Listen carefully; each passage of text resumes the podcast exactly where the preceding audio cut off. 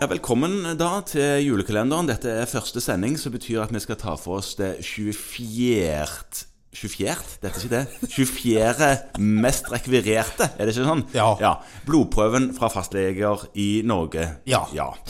Og på den plassen så står noe som forkortes MCH. Ja, og det har du krysset av manuelt mange ganger i ditt liv, Morten, for MCH.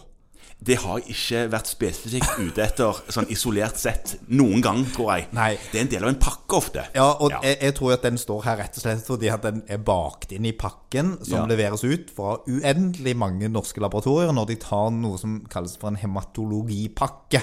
Ja, og hematologi. Hem, hem er blod. Ja. Eh, Eller hem er egentlig hemoglobin. Ja. Hemoglobin. Ja.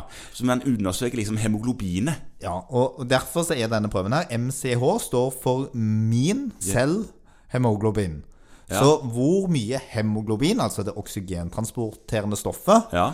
eh, som det er inni disse små røde blodcellene, er der i hvert av de. Ja, eh, for det hemoglobin det er jo en prøve vi skal snakke om senere.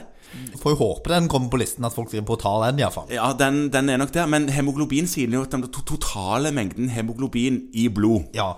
Men denne sier noe om hvor mye det er i hver celle. Ja. Ja. Eh, Og, og det, er- det er mange årsaker til at det er nyttig å ta. Ja. Den prøven tas jo på et sånt vanlig blodprøvegass. Eh, Ja.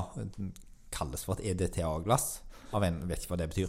Eh, Det, ja, det er noe greier Ja. eh, i glasset. Tilsetningsstoff. Mm. Og det som er poenget, er at hvis den er veldig, veldig høy, Ja. så betyr det at det er få røde blodceller.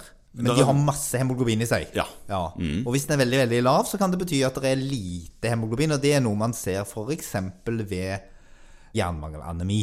ja. At det mangler byggesteiner som skal til for å lage hemoglobin. Men prøven kan ikke tolkes for seg selv.